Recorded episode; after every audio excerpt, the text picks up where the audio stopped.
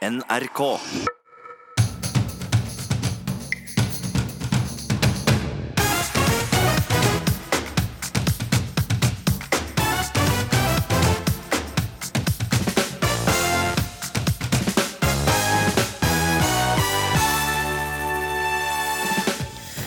Moskéangriperen i Bærum var aktiv på høyreekstreme nettfora. Lasse Josefsen har selv vært en del av dette miljøet. Det begynner å bli litt for mange drap som kommer fra chan-forumene, til at man liksom helt kan bare avskrive det som uh, barnelek, for å si det sånn. Det er 50 år siden Woodstock-festivalen. Vi syns det var en mislykka tur, men visste vi hadde vært med på noe stort, forteller Arne Kristiansen som var der som ung sjømann. Og selvbetjente butikker betyr slutten for søndagsstengte butikker. Det mener eh, Unge Venstre. Nei, folk må fortsatt få slippe kjøpepresset én dag i uka, svarer Arbeiderpartiet. Velkommen til ukeslutt, hvor vi også skal dødse fra timeteren, sykle gjennom vakre Vesterålen og få en dose filmglamour fra Haugesund. Jeg som følger deg gjennom disse to timene, er Linn Beate Gabrielsen. Det har vært en eh, tøff uke for de to heltene som eh, stoppet eh, terroristen i Al-Noor Islamic Center i Bærum forrige lørdag. Moskeen er fortsatt stengt, men åpner for pressen akkurat nå. Og reporter Mari Mahn, du er med oss derfra. Hvordan ser moskeen ut nå en uke etterpå?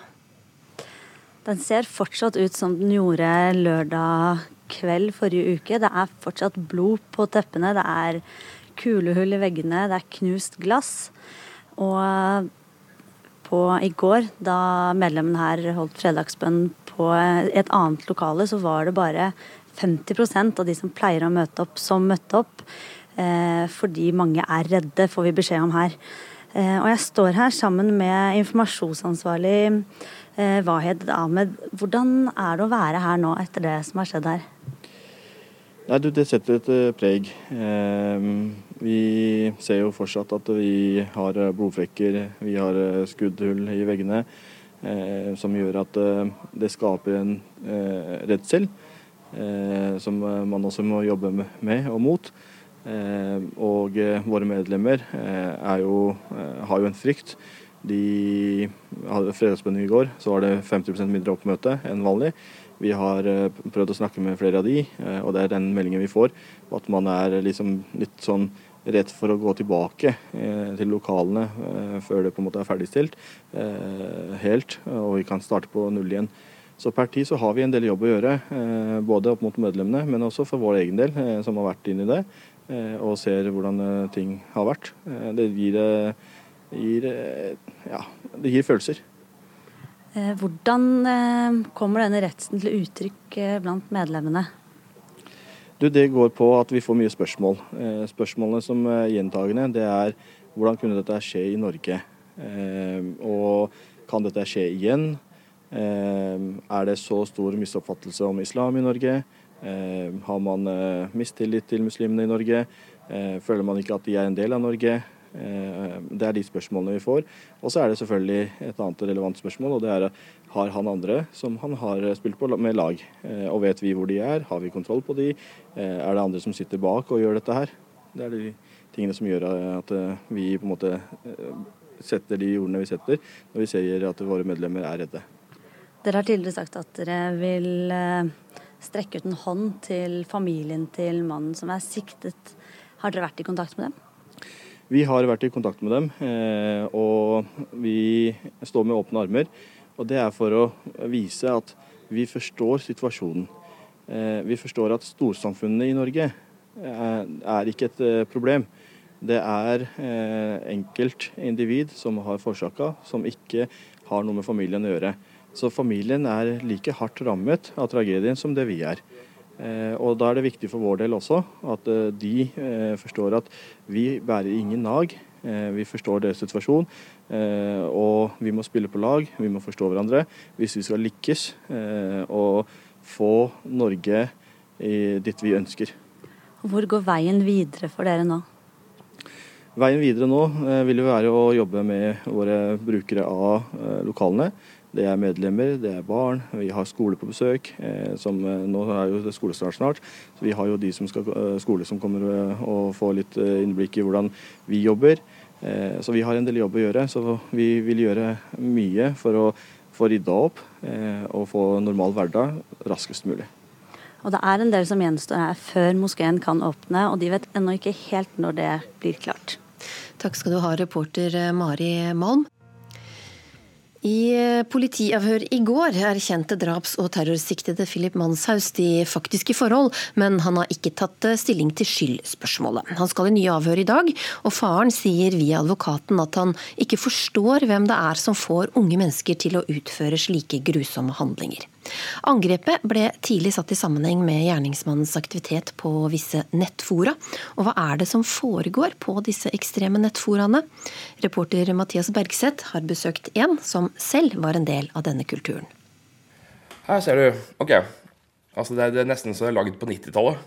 Uh, eh, de har ikke gidda å forandre, for de, de vil ikke gjøre det brukervennlig for noen.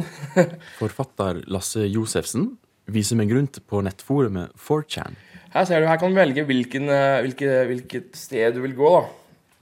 Uh, du har alt fra business and finance til uh, tegneserier og otakokultur og, og, porno. ikke sant? Forumet handler om mange ulike ting, men i noen deler av forumet har det vokst fram en høyreekstrem kultur. Men her her har vi selve arnestedet for den moderne alt-right-bevegelsen. Alt-right er et ord for eh, høyreradikale i USA. Her har vi nazistene og alt-right-folka som henger. Her ser du et eller annet om Trump. Eh, nå er jo alt-right ikke så interessert i Trump lenger, for han er for Israel-vennlig. Uh, 4chan er et stort nettforum som ble laga i 2003. Først var det mest folk som var interessert i dataspill og japansk popkultur, som brukte forumet. Etter hvert har det vokst, og det har forma seg en egen kultur inne i forumet. Det er helt åpent, alle kan bruke det, og alle er anonyme. hvis du tar bort anonymiteten, så har de ingenting igjen. ikke sant? Josefsen var sjøl en del av denne kulturen. Jeg var en sint ung mann sjøl. Eh, da var jeg i stor grad eh, på nettet og tok ut sinnet mitt på uskyldige mennesker. Jeg var aldri den verste, på ingen måte, men jeg, jeg kunne være ganske ille. og jeg, jeg var med på å lage diskursen mye råere og mer ubehagelig, og det er den vi lever med i dag. Så den tar jeg litt på min kappe. vi er inne og ser på de høyreekstreme diskusjonene. Merkel, ja, de hater Merkel. Uh, George Galway. Adolf Hitler. ja. He killed millions. Er det en som har skrevet? Ja. Det, det er sånn de tenker. Dette nettforumet og andre lignende forum har dukka opp i samband med flere masseskytinger det siste året. Siktet for å ha drept 49 mennesker i to moskeer. Høyreekstremisten fra Australia skal ha latt seg inspirere av 22.07-terroristen. Mannen som angrep moskeer og drap 51 personer i Christchurch i New Zealand i mars, hadde lagt ut sitt manifest i slike Chan-forum. Fremdeles i dag hyller folk gjerningsmannen, som de kaller Saint Tarrant. Be til vår Herre og redningsmann Saint Tarrant. Er det noen som skriver her? Sjøl gjerningsmannen i Bærum hylla Christchurch-angriperen like før han sjøl gikk til angrep på moskeen. Jeg ble utpekt av St. Tarrant. De som leser dette, er utpekt av meg. Skrev han i et kjent forum sist lørdag. For å si sånn, altså Brenton Tarrant, det han gjorde, var å starte en stafett som nå endte opp i Bærum, og som nå kommer til å bli stafettpinnen blir sendt videre til en annen som vil ta den. Men det er flere millioner som bruker disse forumene, selv om de ikke er høyreekstreme. Og hvorfor gjør de det? alt som skrives på 4chan er ikke bra. Det sier Jimmy Bardal, som har brukt nettforumet 4chan siden han var tenåring. Men det at man har en anonymisert mulighet til å skrive ting, tror jeg er veldig positivt generelt sett for både samfunnet og for internettutvikling videre. Han mener at høyreekstreme diskusjoner bare er en liten del av det som skjer på 4chan. Men han tror at 4chan har blitt til høyresida på internett sin tomleplass. Sjøl identifiserer han seg med denne høyresida. Et internettbasert samfunn der hvor det ikke er så mange lover og regler og normer, tror jeg trekker veldig mye av den ungdommelige, opprørske ånden på høyresiden. Hvor man bryter normer, bryter sosiale normer. Det tror jeg har bidratt til at 4chan har blitt et sted som assosieres med høyresiden veldig ofte. da. Han mener at brukerne på 4chan flykter fra alle reglene i samfunnet. Jeg tror ikke det er der man ønsker at internett skal være. Det skal være et fristed. Og et sted for tank, frie tanker og frie, fri meningsutveksling, uansett hvor fæl den meningsutvekslingen måtte være. Så det blir på en måte den ekte versjonen av samfunnet?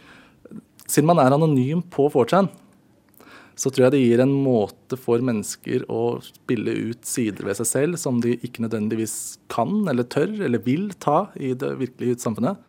Det begynner å bli litt for mange drap som kommer fra Chan-forumene, til at man liksom helt kan bare avskrive det som uh, barnelek, for å si det sånn. Det sier Lasse Josefsen igjen.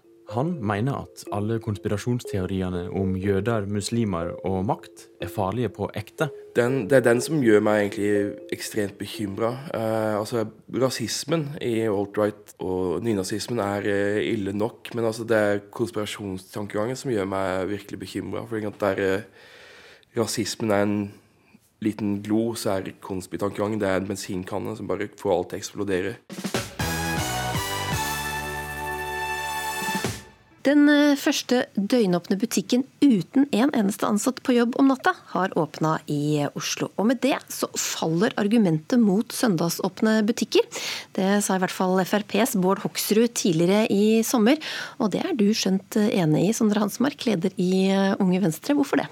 Ja, fordi at eh, Kronargumentet for venstresidens del mot å tillate søndagsåpne butikker, det har jo vært frykten for at folk er nødt til å jobbe på søndager.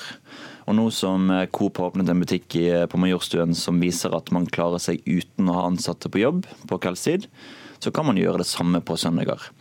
Og da mener jeg at Eneste argumentet som står igjen for ikke tillate søndagsåpen handel, er jo dette her hva skal man si, vår kristne kultur av at søndagen skal være en annerledes dag, at søndagen skal være en hviledag. Det syns jeg er et dårlig argument i et flerkulturelt samfunn hvor folk har ja, forskjellige rytmer og forskjellige dager som er hellige. Så nå håper jeg at eh, Arbeiderpartiet kan se at sitt eh, kronargument har falt, og så kan vi i hvert fall få en ordning hvor de butikkene som ikke har betjening på søndager, kan få lov til å ha åpent. Nils Kristen Sandtrøen, stortingsrepresentant for eh, Arbeiderpartiet. Har du noen argumenter igjen nå for å holde stengt på søndager? Arbeiderpartiet er fortsatt en eh, varm, stødig og sikker forkjemper for eh, søndagen som felles fridag i Norge. Og Det handler om, som det allerede er sagt, at vi ønsker at flest mulig arbeidstakere skal ha fri og kunne nyte den dagen sammen med familier og venner. Men vi trenger jo ikke noen eh, arbeidstakere til å holde det åpent på søndager. Det er, det er akkurat det jeg skal forklare nå. For jeg er enig i at hvis det hadde vært så enkelt som det framstilles nå, så hadde det vært ganske greit. Men det er jo faktisk sånn at hvis de butikkene butikkene skal kunne fungere sånn som vi er vant til, så må det være folk som sørger for at varer er tilgjengelig i hyllene. Det må være logistikk som får varer ut til butikken. Hvis man skal ha det tilbudet som er til vanlig, så må det bl.a. være bakeriansatte, vi må ha vektere ute.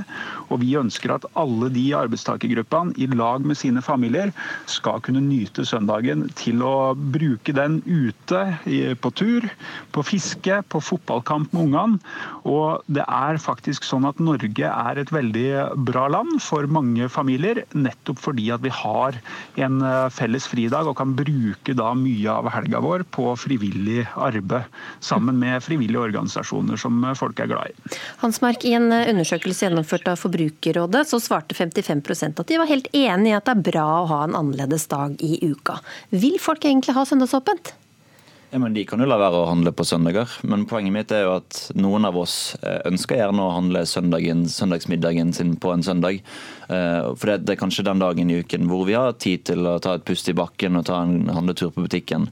Men det høres ut som Sandtrøen og Arbeiderpartiet mener at samfunnet kommer til å kollapse dersom man eh, innfører søndagsåpne butikker. Selvfølgelig kommer folk fortsatt til å dra på fisketur. Folk kommer fortsatt til å spille fotball og gå tur i skogen selv om man har søndagsåpne butikker. Og så er det ikke sant at dette trenger masse folk, altså vi trenger mange flere sysselsatte til å ordne et sånt system. Vektere er stort sett på jobb på søndager også, fordi man reiser rundt i byen og sjekker at alt er ålreit. Varelevering foregår kun et par ganger i uken, så det er ikke sant at dersom man åpner for søndagsåpne butikker, så må man plutselig ha hundretusenvis av sysselsatte som ordner et sånt system.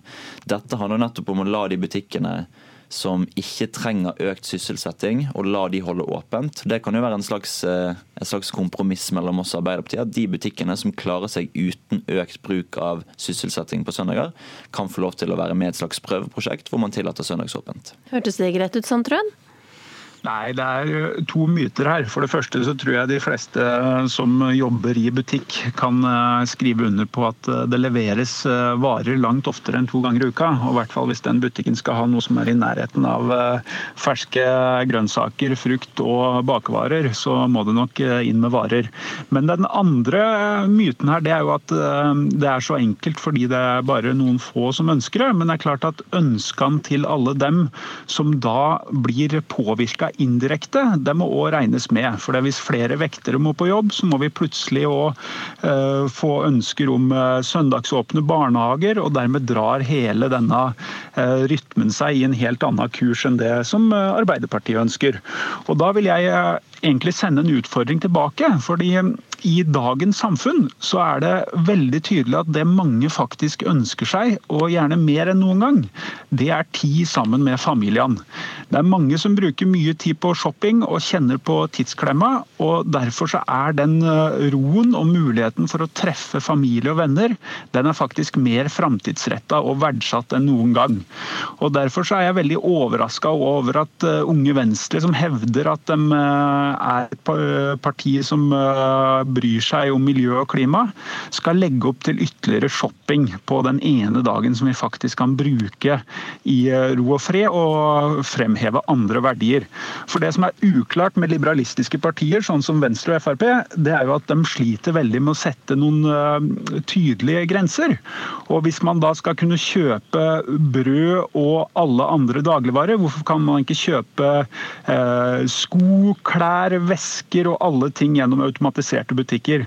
Så dette her vil balle på seg, og derfor så er vi veldig tydelige på at en eh, moderne og framtidsretta utvikling for samfunnet vårt, det er faktisk å ja. ha tid til hverandre. Vil dere ha flere, mer kjøpepress på folk? Ja, men jeg skal være helt åpen om at Vi ønsker å ha søndagsåpne butikker. Punktum. Dette gjelder ikke bare de butikkene som har selvbetjening.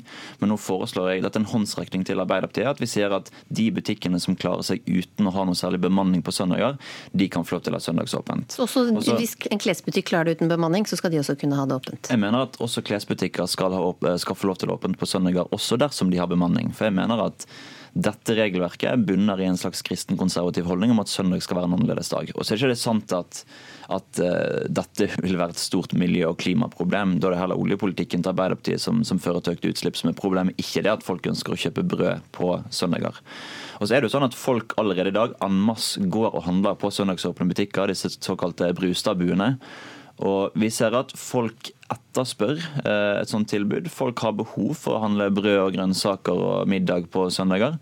Men nå er det sånn at man gjerne må ta bil til eh, nærmeste butikk som ligger 10-15 eh, minutter unna.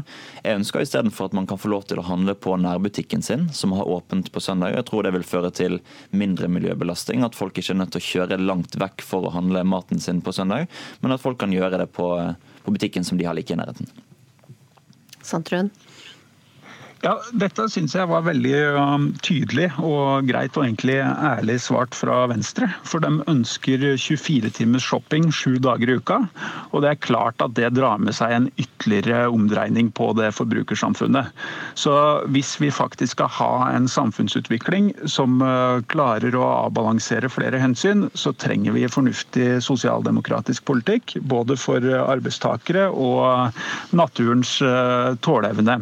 Og da vil jeg bare bare legge til et punkt, fordi det ble fremstilt som at uh, Coop ønsker uh, å åpne på søndag, men det er feil. Coop sier sjøl at dette er et forsøk som de har gjort, men de ønsker fortsatt å ha søndag som en uh, felles fridag i Norge. Og Det er veldig veldig klokt, og det blir bare mer og mer tydelig og klart at det er veldig sprikende staur i den høyreregjeringa. For hvis det er folk i f.eks. tidligere velgere av KrF, så er det tydelig og klart at man må ha en rød-grønn kurs hvis vi skal opprettholde den eh, samfunnsrytmen som vi har. For her presser da de markedsliberalistiske partiene stadig vekk nye skanser. Jeg er nødt til å si tusen takk til dere, Sondre Hansmark og Nils Kristen Sandtrøen. Vi har vel en anelse om hvem av dere som vil holde seg hjemme, og hvem som vil løpe til butikken på søndagene?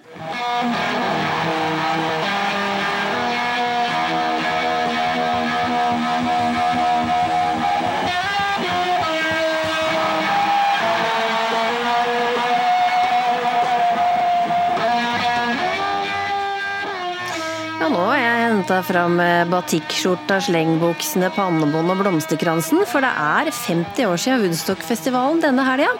Joe Cocker, Jimmy Hendrix og Janis Joplin, for å nevne noen, rocket for nesten en halv million mennesker som hadde funnet veien til et jorde i staten New York. Og musikkjournalist Leif Gjerstad, du driver kulturbloggen Leffes Lab. Hva var det som var så spesielt med Woodstock? Ja, Det var jo en massemønstring. Man hadde aldri hatt noe tilsvarende før. Eh, og eh, du kan si at du hadde 60-tallet med ungdomsopprør, politisk, upolitisk, altså det hadde Vietnamkrigen. Du hadde veldig mange faktorer som trakk mot det autoritære samfunnet, mot det etablerte.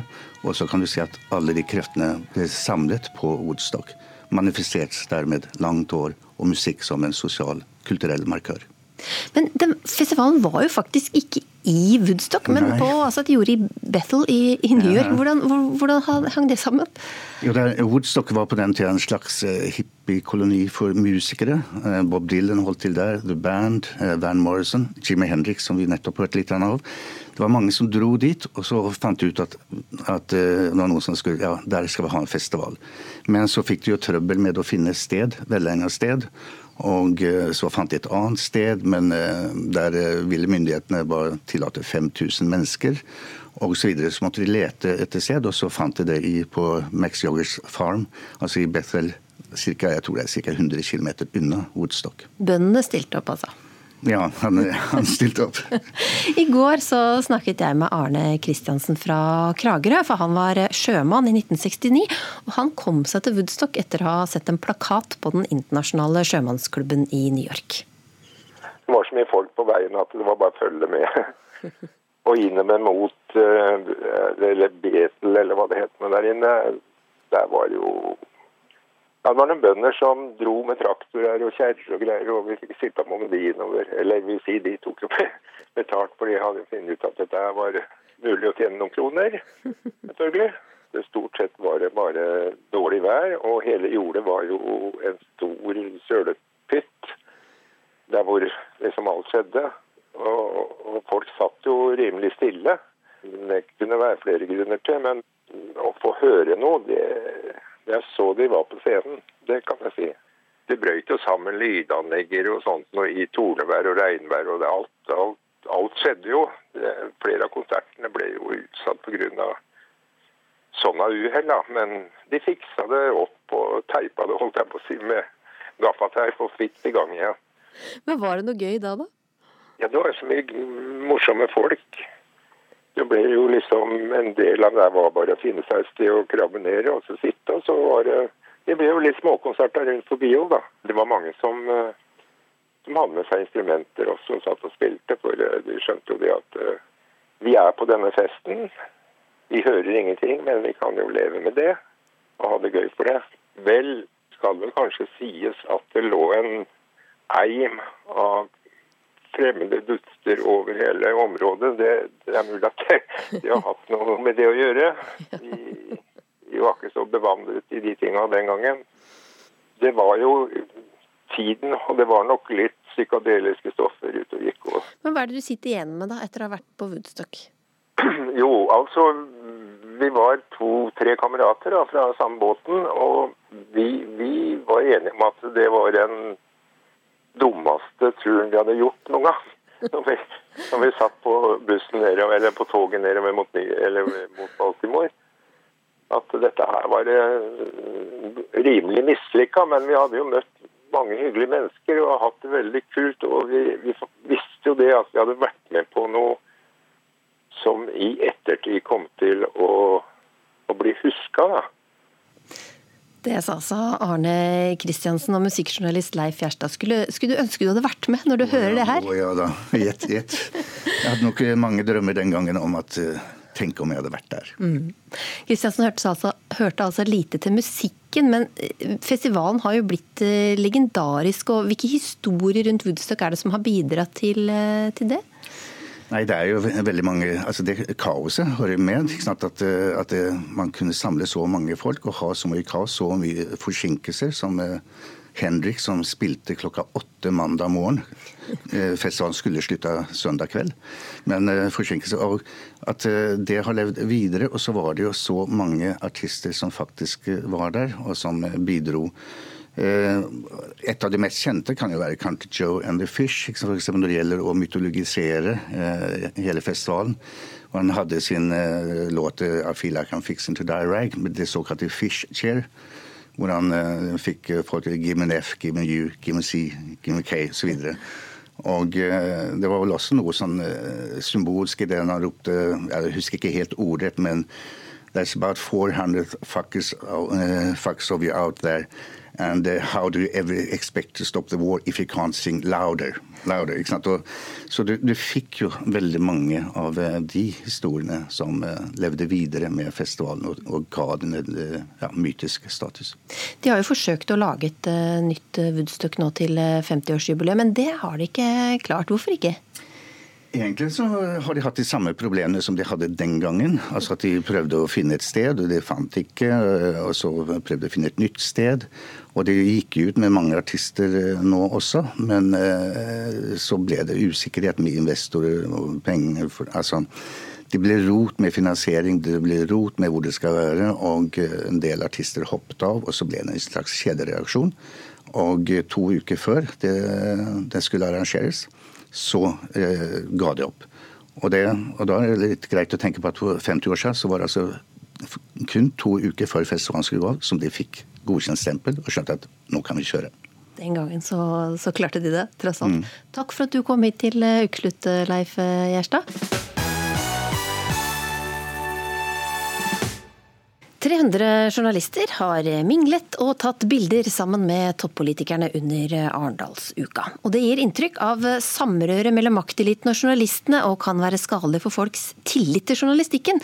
Ja, Det skriver du i Medier24, Trygve Aas Olsen, fagmedarbeider ved Institutt for journalistikk. Ja, Hvilket inntrykk er det du tror folk får? Ja, altså Hovedproblemene til de tradisjonelle mediene i dag, som NRK, Aftenposten, VG og andre, er jo at eh, de mister tillit. Altså, eh, Det finnes en oppfatning i befolkninga om at de er elitistiske, ikke bryr seg om folk flest. Og eh, Denne forestillinga den støttes opp av høyrepopulistiske partier, alternative medier osv. Og, og forskningen støtter også dette. Det er eh, stort sett elitemennesker som er kilder til mediene. Altså Det er menn mellom 40 og 60 år i lederposisjoner. Spørsmålet er hva kan mediene gjøre for å bøte på dette, hvordan skal de svare? Og eh, vinne tilbake tilliten hos de som mener at de er elitistiske. Og Da mener jeg at å sende 300 journalister til det som framstår som en elitesamling i Arendal, det er ikke riktig medisin. Du burde heller reist ut der folk flest er, og skrive om vanlige mennesker. Nyhetsredaktør i Aftenposten Tone Tvei Strøm Gundersen, du er altså en av de rundt 300 journalistene som var i Arendal eh, denne uka. Gir det det rette inntrykket til folk, da, å være sammen med politikerne på den måten? Nei, Jeg tror det er nyttig å rydde opp i en misforståelse først. fordi at eh, Det er jo ikke bare rikspolitikere, stortingspolitikere og statsråder som er i Arendalsuka. Tvert imot så består jo den av veldig mange frivillige organisasjoner, småbedriftseiere, helsesøstre, forskere, altså den type kilder som er nyttig for journalistene å møte, og som vi i mindre grad møter i det daglige. Fordi eh, Rikspolitikere, stortingspolitikere, statsråder er vel kanskje de journalistene har best tilgang på i Oslo allikevel. Mens i Arendalsuka er det helt andre typer kilder, helt andre typer debatter som foregår.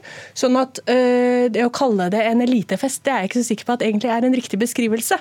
Det er andre typer kilder man møter der. og Vi hadde jo bl.a. en av journalistene våre, han sa til meg etterpå at han hadde hatt mellom 10 og 15 speeddates per dag i Arendalsuka med kilder han ellers aldri møter, som var veldig nyttig for å få innspill, for å få eh, tilbakemeldinger, for å høre om konsekvenser av journalistikk, eh, av politikk, eh, og nyttig i samfunnsdebatten. Ja, det er, det er nyttig? Ja, ja, for all del. Eh, men jeg skjønner ikke hvorfor man må reise til Arendal for å treffe disse organisasjonene. Altså Skal man intervjue en eh, hva sa du, altså helsepersonell, forskere osv., så, så finnes det jo de eh, på arbeidsplassene sine til enhver tid. Altså, Det er jo i den daglige journalistikken at uh, avisene og uh, kringkastingsinstitusjonene må ut og prate med vanlige mennesker. Man trenger ikke å reise til Arendal for å møte disse organisasjonene.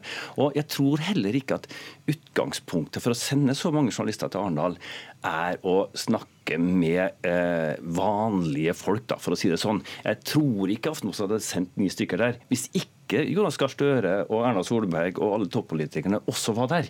Du hadde ikke dratt dit hvis det bare var en samling av frivillige organisasjoner. Strøm Gundersen, hvorfor må dere til Arendal for å snakke med disse menneskene? Nei, Vi må ikke til Arendal for å snakke med de menneskene, fordi at vi har jo journalistikk med mange av de menneskene daglig, akkurat som Trygve Aas Olsen sier. Men inntrykket mitt er at i Arendal så øh, arrangerer man debatter, bl.a. Øh, og de som står bak arrangementene og de debattene, fremstår for meg som helt sånn interesserte i å debattere å snakke om samfunnsutvikling. Og Mange av de debattene får man jo ikke når man reiser rundt og snakker med folk i det daglige. og Jeg mener ikke at vi ikke skal gjøre det, men det er også nyttig å få med seg en del av de debattene. Eh, og møte kilder. Og man møter jo ikke bare kilder sammen med andre journalister i de debattene i Arendal, fordi det er så mange debatter at journalistene rekker ikke overalt. Så du kan fint møte enkelt, ha enkeltmøter med kilder eh, i Arendalsuka, som er nyttig, og som blir en slags sånn konsentrat av kildemøter, eh, men som selvfølgelig ikke betyr at man ikke skal gjøre det i det daglige også. Ås Olsen, altså Journalister og politikere de har jo mingla i mange år på både Tostrup-kjelleren og Lorris i, i, Oslo. Hvorfor gjør det noe når det skjer i Arendal? Unnskyld, nei, altså, du har helt rett. Altså, dette har jo vært et problem i journalistikken i mange år. Det ekstraproblemet nå er jo at de tradisjonelle mediene mister tillit nettopp pga. mistanke om samrøre med makta. Og da må mediene, som Strøm Gundersen er, de, eh, de, de, må tenke seg om hvordan ser dette ut? Hvordan ser det ut for folk flest når de ser på TV-bildene at kjente journalister og, og, kjente politikere går og sludrer med hverandre bak kamera osv. Ser det ut som om mediene er interessert i å prate med vanlige folk, eller ser det ut som de er mer interessert i å mingle med eliten? Altså, det holder at den mistanken er sådd, og mistanken om samrøre, om eh, at mediene er mer interessert i å prate med eliten, den finnes. Og det må eh, eh både Aftenposten og andre medier ta på alvor og gjøre noe med. Spørsmålet om hvem som så den mistanken, da, for å være helt ærlig. For er jo du kanskje den fremste representanten for å så mistanken. Og jeg mener jo at det var mye verre før, da eh, samrøret foregikk på Tostrup-kjelleren mellom journalister og politikere. Det var en lukket klubb hvor ingen andre hadde adgang. Gud vet hva som foregikk der. Mens eh, i Arendalsuka er det nå tross alt offentlighet og åpenhet om både møter, eh, debatter. Alle har mulighet til å komme dit. Og jeg er jo helt enig med Ås Olsen i at journalister må være forberedt på å bli ettergått i mye mye større grad nå enn det de ble tidligere, da de var på Tostrup-kjelleren og ingen så hva de drev med. Men eh, det hadde sikkert vært en fordel om man hadde sett mer da også, fordi jeg tror det var verre før enn det der nå. Men Hvor lett er det å være kritisk da, og uavhengig til eh, politikere når du har vært i hyggelig lag sammen med dem uka før? Eh, når man er i hyggelig lag med politikere, så må man ha et formål med å være der. Altså, det er ikke noe vits å være i et hyggelig lag som en bursdagsfest eller andre typer lag som ikke har noe journalistisk formål.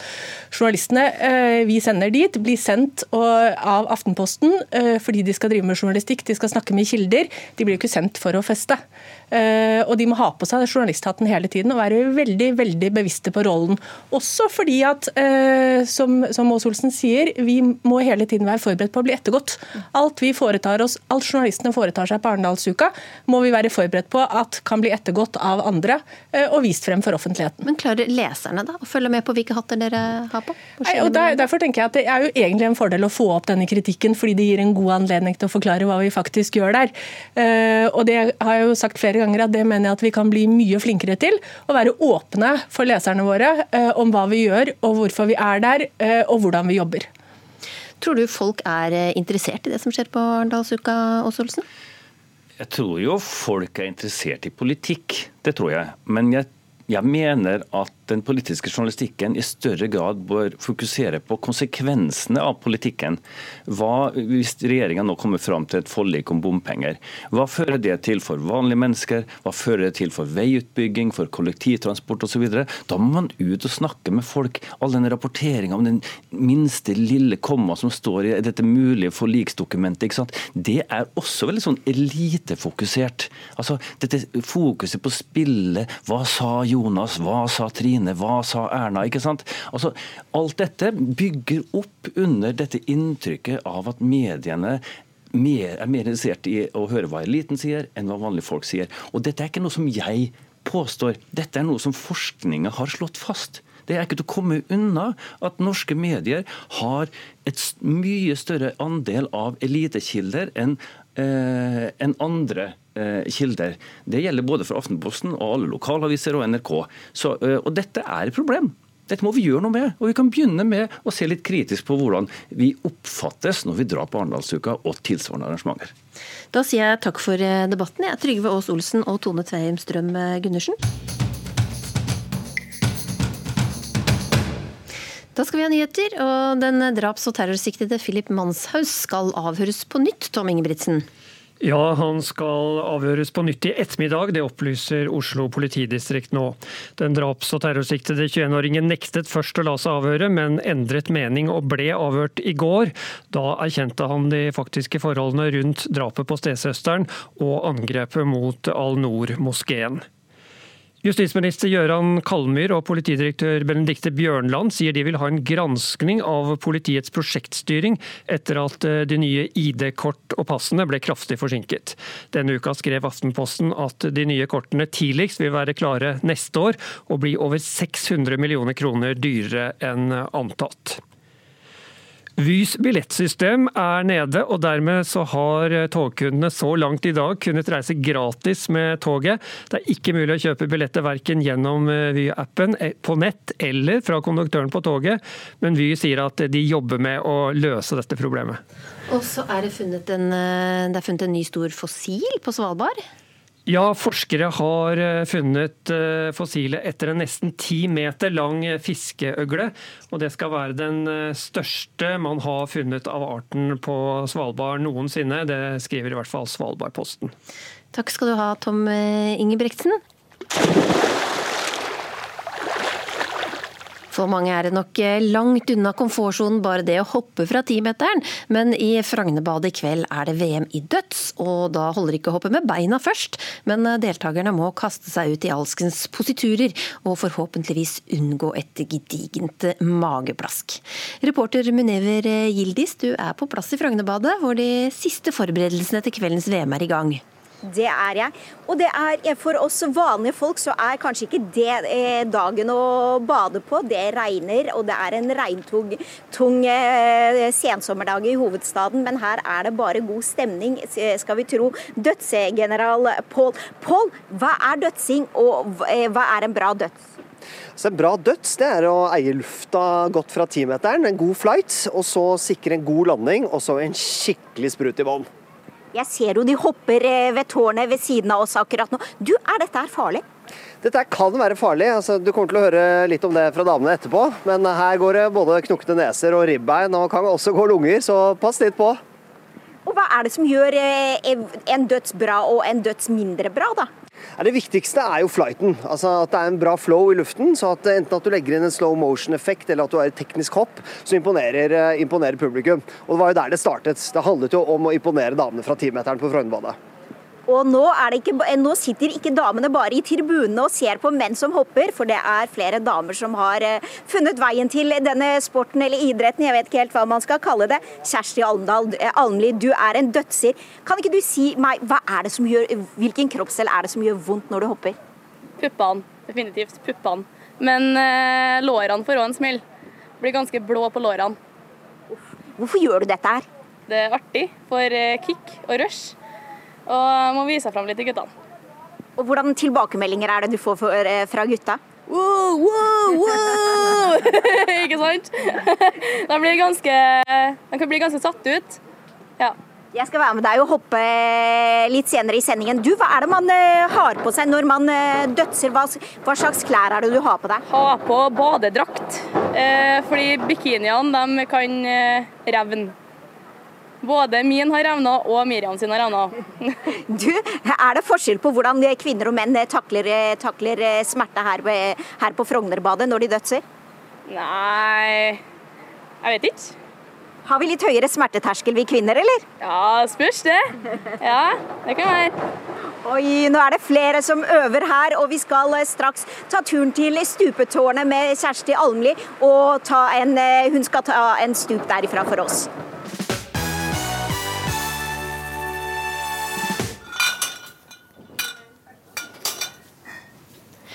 Kunne du tenke deg å ofre to vinflasker fra taxfree-kvota di og heller gi barna skolefrukt?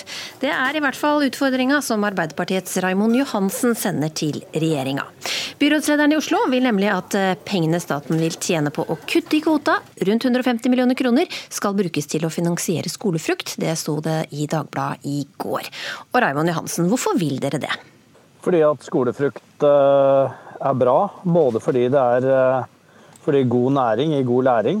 Og for det andre så ser vi det at vi ønsker å ha det som nasjonal ordning. Fordi vi ser det at Ung i Oslo-undersøkelsen fra 2018 viser at det bare var én av tre Oslo-ungdom som spiser frukt daglig. Og regjeringas eget helsedirektorat de anbefaler fem om dagen.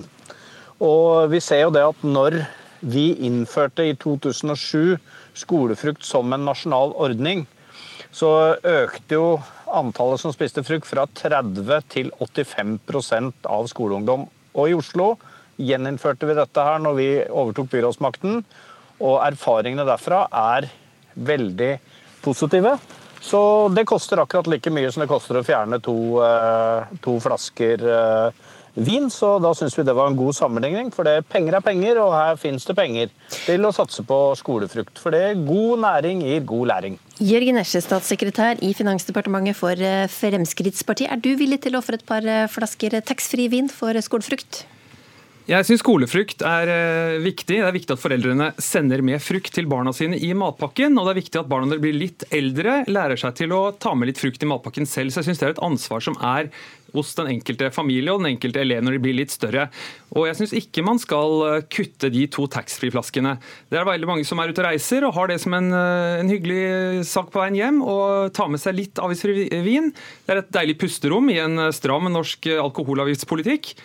Og eh, Derfor syns jeg det er et dårlig forslag. Det er alltid så enkelt for Arbeiderpartiet å øke skattene. Eiendomsskatt, bompenger vil de ha, og 10 milliarder økte skatteinntekter foreslo de i sitt alternative budsjett for 2019. Skatt er alltid svaret der. Raymond Johansen, 150 millioner kroner, det er jo ikke en all verdens utgift for eh, staten. Da. Hvorfor har du akkurat eh, blinka deg ut kvota, så mange koser seg med etter en utenlandstur? Ja da, men uh, du koser deg godt med fire flasker òg. Du, du, må vel ikke ha seks flasker for å kose deg. Men uh, vi hadde jo altså Det var en veldig god erfaring når vi innførte uh, skolefrukt til alle ungdomsskoleelevene under rød-grønne. Og de tok jo bort det, da. Og valgte jo da heller å gi to flasker vin ekstra. Så jeg syns dette er en dårlig folkehelsepolitikk også, fordi vi har jo, Finansdepartementet har jo beregna at kostnadene er omtrent, eh, omtrent, det samme. Og jeg ser at dette er god helsepolitikk, god ernæringspolitikk. Og, og god næring gir god læring. Vi ser mange elever er uoppmerksomme. Får i seg litt næring, så vil også undervisninga kunne bli bedre. og Vel, eh, flinke, gode foreldre er sikkert og har et ansvar, kan sende mer frukt, men at har man det tilbudet på skolen, så er det i hvert fall sikkert at man får i seg noe næring, og det, det er positivt. og jeg er ikke noe sånn, eh, hever ikke en svær pekefinger mot dem som kjøper seg seks flasker eh, vin, men det er et godt sammenligningsgrunnlag. Og fire, fire, fire, flasker altså fire flasker vin, det er jo, ikke, er jo ikke veldig, veldig lite. Det er ikke sånn eh, at du må ha sex for å kunne liksom, si at du koser deg, og kanskje det til og med blir litt lettere å bære. En tredjedel eh, bare som har med seg fruktnesje. og det er Kanskje det kunne vært god folkehelse for staten å hjelpe til her, sånn at alle får frukt på skolen? Jeg syns fortsatt at eh, familier bør passe på å ha litt frukt, og ikke bare frukt, men også grønnsaker i kjøleskapet. Jeg kan si det rett ut her. Pass på å ha godt med frukt hjemme, sånn at man kan få med seg det på skolen. Jeg syns det er mye bedre å eh, ikke ta fra folk det ansvaret og sørge for at barna spiser bra og har et variert kosthold. Det bør ikke staten ta. Her er det alltid snakk om fra Arbeiderpartiet mer stat, mer byråkrati, eh, overformynderi, økt skatt. Og jeg syns folk kan ta det ansvaret selv, og jeg tror det er mye bedre. Og så takk for omsorgen for de to flaskene flaskene man skal slippe å bære fra taxfree-en, og skal man heller bære de da avgiftstynget fra polet. Eh, jeg, jeg, jeg, tror folk setter pris på å ha de seks vinflaskene på taxfree-en og kan fortsette med det. Men litt alvorlig, penger er penger. Også, det er faktisk penger han kunne ha brukt til å gi skolefrukt til alle ungdomsskoleelever i hele Norge. Det er en politisk prioritering. Jeg mener at det er et veldig godt forslag. Det er god helsepolitikk, det er god eh, læringspolitikk. Og det at eh, vi sørger for å ha gode lærere, vi har godt læremateriell, Og da at uh, også man gjør elevene enda bedre i stand til å kunne motta læring. Det er jo ikke noe sånn statlig overformynderi å få spise et eple og en banan på, på skolen. Herregud, det vil være en ytterligere hjelp og et godt og konstruktivt bidrag for at elevene skal være motiverte. Og der er vi vel felles gode, motiverte elever. Lære bedre og komme gjennom skoleløpet, og det er positivt. og det er vi villige til å bidra og ofre gjerne to flasker eh, rødvin på det, og får heller kjøpe det på polet. og det er ikke så forferdelig dyrt der heller. Jeg syns ikke koblingen er så bra heller. Ja. Vi tok jo bort denne frukten i 2014, eh, var det vel. Og da puttet vi de pengene på eh, bedre læring istedenfor. Altså lærere, for det er lettere å ha med et eple i sekken enn en mattelærer. Det syns jeg var en god prioritering. så, men jeg, jeg syns fortsatt at det er viktig at man har, har variert frukt på skolen, men jeg syns ikke staten skal gjøre det. Dette blir byråkrati, og det er mer kostnader, og det blir økte skatter. Du er veldig glad i skatter, men ha noe litt magemål her. Men er 150 millioner kroner så mye da, Spandert på barna? ja, eh, jeg merker meg det. At eh, du foreslår dette bare for eh, ungdomsskoleelever. Hva med barneskolen? Da er du oppe i 600 millioner. Da skal du ta bort hele taxfree-ordningen for, for, å finansiere det. og Det er sånn typisk finne et sånt ålreit formål å bruke penger på, og så skru vi til skattene, for det er viktigere med det ålreite formålet. Og så kan folk tåle litt mer skatt og litt mindre taxfree-kvote. Jeg syns det er kjip politikk, og jeg syns ikke folk burde finne seg i det. For det første, det er fortsatt fire flasker. Helt greit. Politikk handler om å prioritere. Vi har god erfaring i Oslo. Oslo er en stor skole, innført, eh, en stor kommune. Men du har jo har klart å innføre dette i Oslo, Raymond Hansen. Hvorfor skal ja, ikke andre men... kommuner klare det selv, da? Jeg syns at eh, dette bør være en nasjonal ordning som man hadde i gode erfaring med under de rød-grønne, hvor andelen økte fra 30% til 85% Og Vi ser at det er litt forskjellig, og jeg vil ikke bare at Oslo skal nyte godt av det, og anbefaler at staten kan gi et, et godt bidrag til å få skole, skolefrukt. Og Dette er ikke stort og byråkratisk, dette er veldig enkelt og veldig i tråd med Helsedirektoratets anbefalinger om fem om dagen, og vi vet at uh, unge spiser lite frukt. Det at vi kan motivere dem og uh, gjøre det lettere å faktisk spise frukt, det er god ernæring, og det er også god eh, utdanning og læringspolitikk. Så dette er et, eh, et kinderegg, så prisen er ikke all verden heller. Og da tror jeg vi bare sier, jeg oppfordrer alle foreldre til å putte litt frukt i skolesekken til, eh, til barna nå ved skolesak. Takk, byrådsleder Raymond Johansen og statssekretær Jørgen Nesje. Vi skal tilbake til Frognerbadet, hvor det litt eh, seinere i dag arrangeres VM i dødsing. og Her gjelder det jo å fly spektakulært gjennom lufta og lage stort plask i bassenget. Reporter Munever eh, Gildis, jeg antar du har eh, kommet deg på toppen av timeteren nå. Hvordan kjennes det der oppe? Vel, vi har ikke kommet oss til timeteren, fordi det, er, det, regner eh, veldig her på Frognerbadet. Og det er veldig glatt å komme seg opp til eh, timeteren med veldig tung utstyr. Og det syns uh, dødseren Miriam, nei, unnskyld, Kjersti Alny, som skal være med oss, at var helt greit. Så da står vi klare på femmeteren her på Frognerbadet. Og jeg er veldig glad for at det ikke er meg, for det både regner, det er litt kjølig, og det er Jeg vet ikke om forholdene er helt, helt greie for å hoppe. Hva tenker du, Kjersti? Kjersti, er det bra forhold for å hoppe, eller? Ja, det regner og det er veldig glatt, men vi får håpe at det blir mer opphold, sånn at vi får tørka og eh, fått litt mer fart. Du, hvordan forbereder du deg nå når du skal hoppe, hoppe fra femmeteren nå? Nei, jeg, jeg sier til Trygve 'ingen gildere enn fegis', og så sier han det tilbake, og så hopper jeg. ikke sant? Hva betyr det? Det skjønte ikke jeg helt. Nei, det Miriam, hva betyr det? Du som er svensk. Ingen liker en, eh, en feig person. Nei, Ingen liker en feig person. Det er mottoet til, eh, mottoet til Kjersti Almli. Du, hva er planen nå når du skal hoppe her for oss? Nei, Nå skal jeg bare hoppe vanlig og rope navnet til dødsekretsen min, som er Trondheim dødsekrets. Og så kjører vi stor eh, splash. Og med meg så har jeg også fått konkurrenten til Kjersti, nemlig regjerende verdensmester fra Sverige, eh, Miriam Hamberg. Du, hvorfor er du her i dag? Ja, jeg kan, inte, jag kan inte vara så feg att jag inte kommer hit nu när jag sitter på en titel. Jag måste försvara den. Ehm, så att jag, ska, jag ska hit och kämpa och hålla mig kvar på pallen, tenker jeg. Fantastisk. Og Kjersti, vær så god hopp. Så skal jeg og Miriam se hvordan du hopper, og så skal Miriam bedømme deg etter det. Ja, det er greit, ja. Vær så god. Ingen gillar en fegis! Oi, oi, oi, oi, nå gjør hun seg klar. Vær så god. Oi, oi, det som så ut som et mageplask, det ble noen fantastiske figurer i vannet fra femte, femmeteren, og så var hun i vannet. Du Miriam, hvordan eh, var konkurrenten din? Jo, Kjersti er bra. Hun er tørr under, så det her blir et riktig tøft motstand. Hun har bra kontroll i luften. og eh, Jeg ser henne som en riktig konkurrent i denne tevlingen. Det gjør jeg. Hva er det hun har som du ikke har? Eh, kontroll. Kroppskontroll. Det har ikke jeg. Kroppskontroll er essensielt hvis man skal drive med dette her. Og da er det klar for VM i dødsing her på Frognerbadet i kveld. Og så håper vi at værgudene er med dem. Ukeslutt reiser både nordover og vestover straks. Arctic Race er ikke som andre sykkelritt. Tidligere vinner Thor Hushovd glemmer aldri dama med kjempetorsken. Nå blir det så glamorøst som det kanskje kan bli i det norske Film-Norge, for vi skal til filmfestivalen i Haugesund, hvor det straks er avduking av årets Walk of Fame. Og reporter Elisabeth Wanka Wold, jeg tror du først må forklare oss hva Walk of Fame er? Ja, de fleste forbinder nok Walk of Fame med Hollywood, der berømte personer innen underholdningsbransjen blir hedra med ei stjerne rissa inn i fortauene langs Hollywood Boulevard. Og det å få sin egen stjerne der er vel noe av det gjeveste en kan oppnå i Hollywood.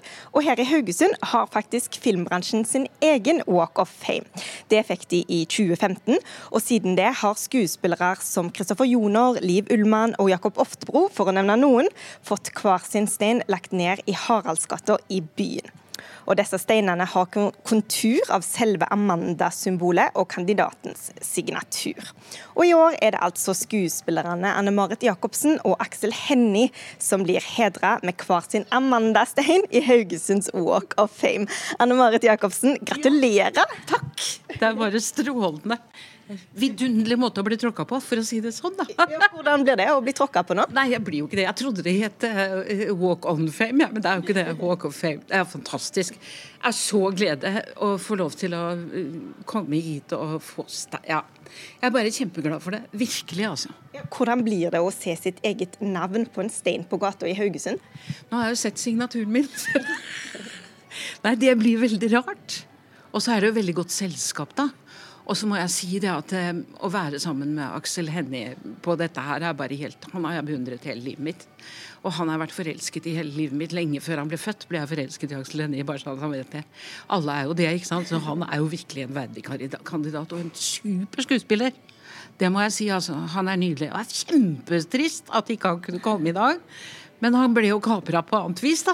Og lykke til med det. Mm.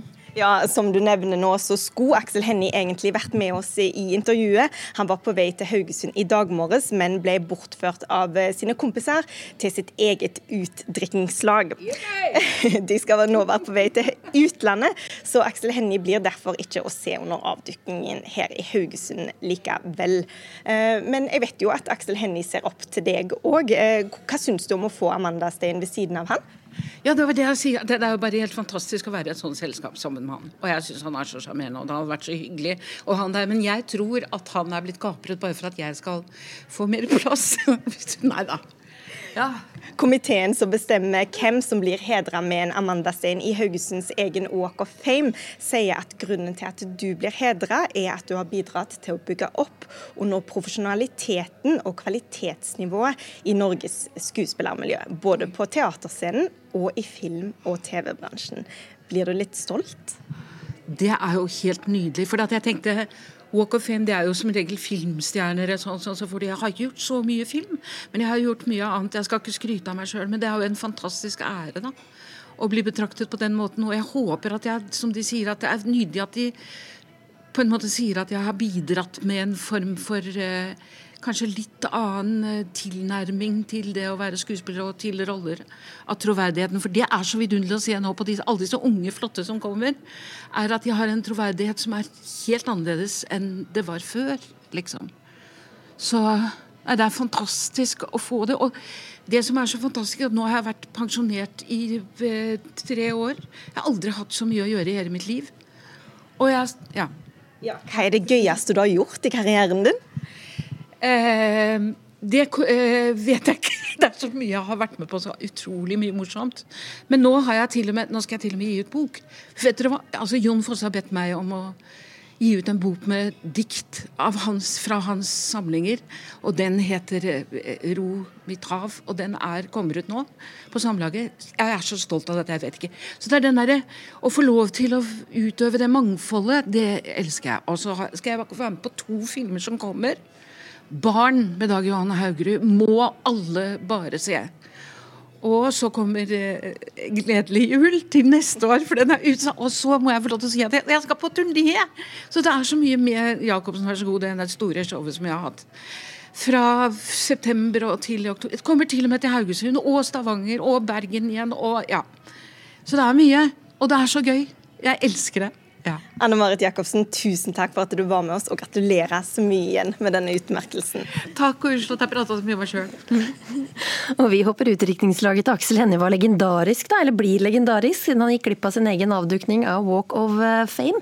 Kanskje han håper på en stjerne i Hollywood etter hvert, hvem vet?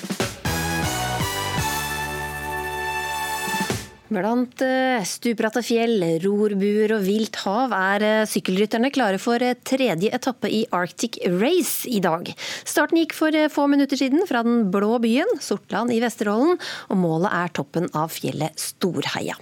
Reporter Ole Fredrik Lambertsen, du er på plass med rittets aller første vinner fra 2013, Tor Hushovd. Klør det litt i sykkelbeina hans i dag, tro? Eh, ja, Linn, jeg kan jo høre med den tidligere verdensmesteren. Eh, klør det litt i beina når du ser syklistene eh, tar av her fra startstreken i Sortland? Det klør selvfølgelig litt. Skulle jo skulle gjerne vært med når du ser på det, folkehavet som er der. Den, den, festen som er rundt det her arrangementet, så, så, kribler det litt. Men samtidig, nå er det så lenge siden jeg har lagt opp til at det verste har jeg nå fått rist av meg. Eh, nå er det sånn at eh, solstrålene titter frem, og det er jo faktisk litt varme her. Eh, og et sånt her ritt som foregår i vakre Lofoten, Vesterålen og Ofoten Alle snakker om hvor vakkert det er. Får egentlig rytterne med seg hvor, hvordan det ser ut rundt dem? Ja, de gjør faktisk det. Når rytterne sitter i feltet, så har en tid til å ta inn over seg de eh, ja, si, omgivelsene og, og øyeblikkene som, som, det er. Men det er veldig merkelig når det går i si, et kontrollert fart. Men det gjør det jo ofte i et syke, sykefelt. Uh, hvis du går inn på de siste 10 km, 20 km, når de fighter om seier, da får du ikke med deg mye. Da er det si, rumpa foran deg eller hjulet og rett ned i veibanen. Da er det mer lyden kanskje man får med seg rundt? Ja, da er det, da er det full fokus på eh, arbeidsoppgaver, eh, finne riktige posisjoner. Uh, ikke unngå velt, unngå uhell, se hvor rundkjøringer er, midtrabatter. på en måte Få et sånn overblikk i, i hele sykefeltet.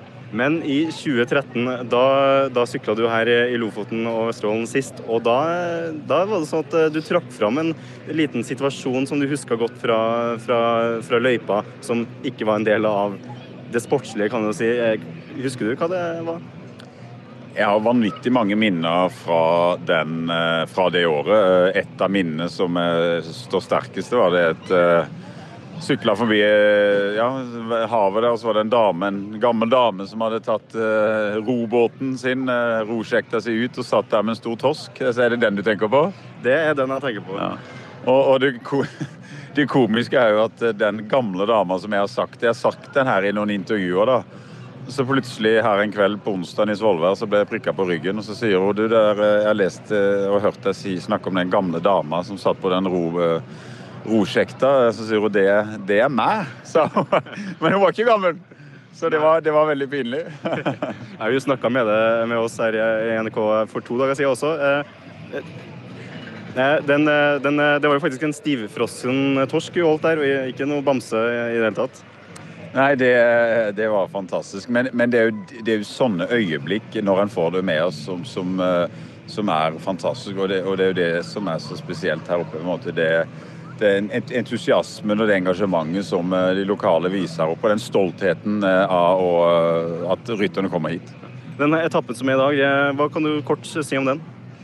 Det er, en, det er flott her ute i Vesterålen. Det er tre innlagte bakkespurter underveis.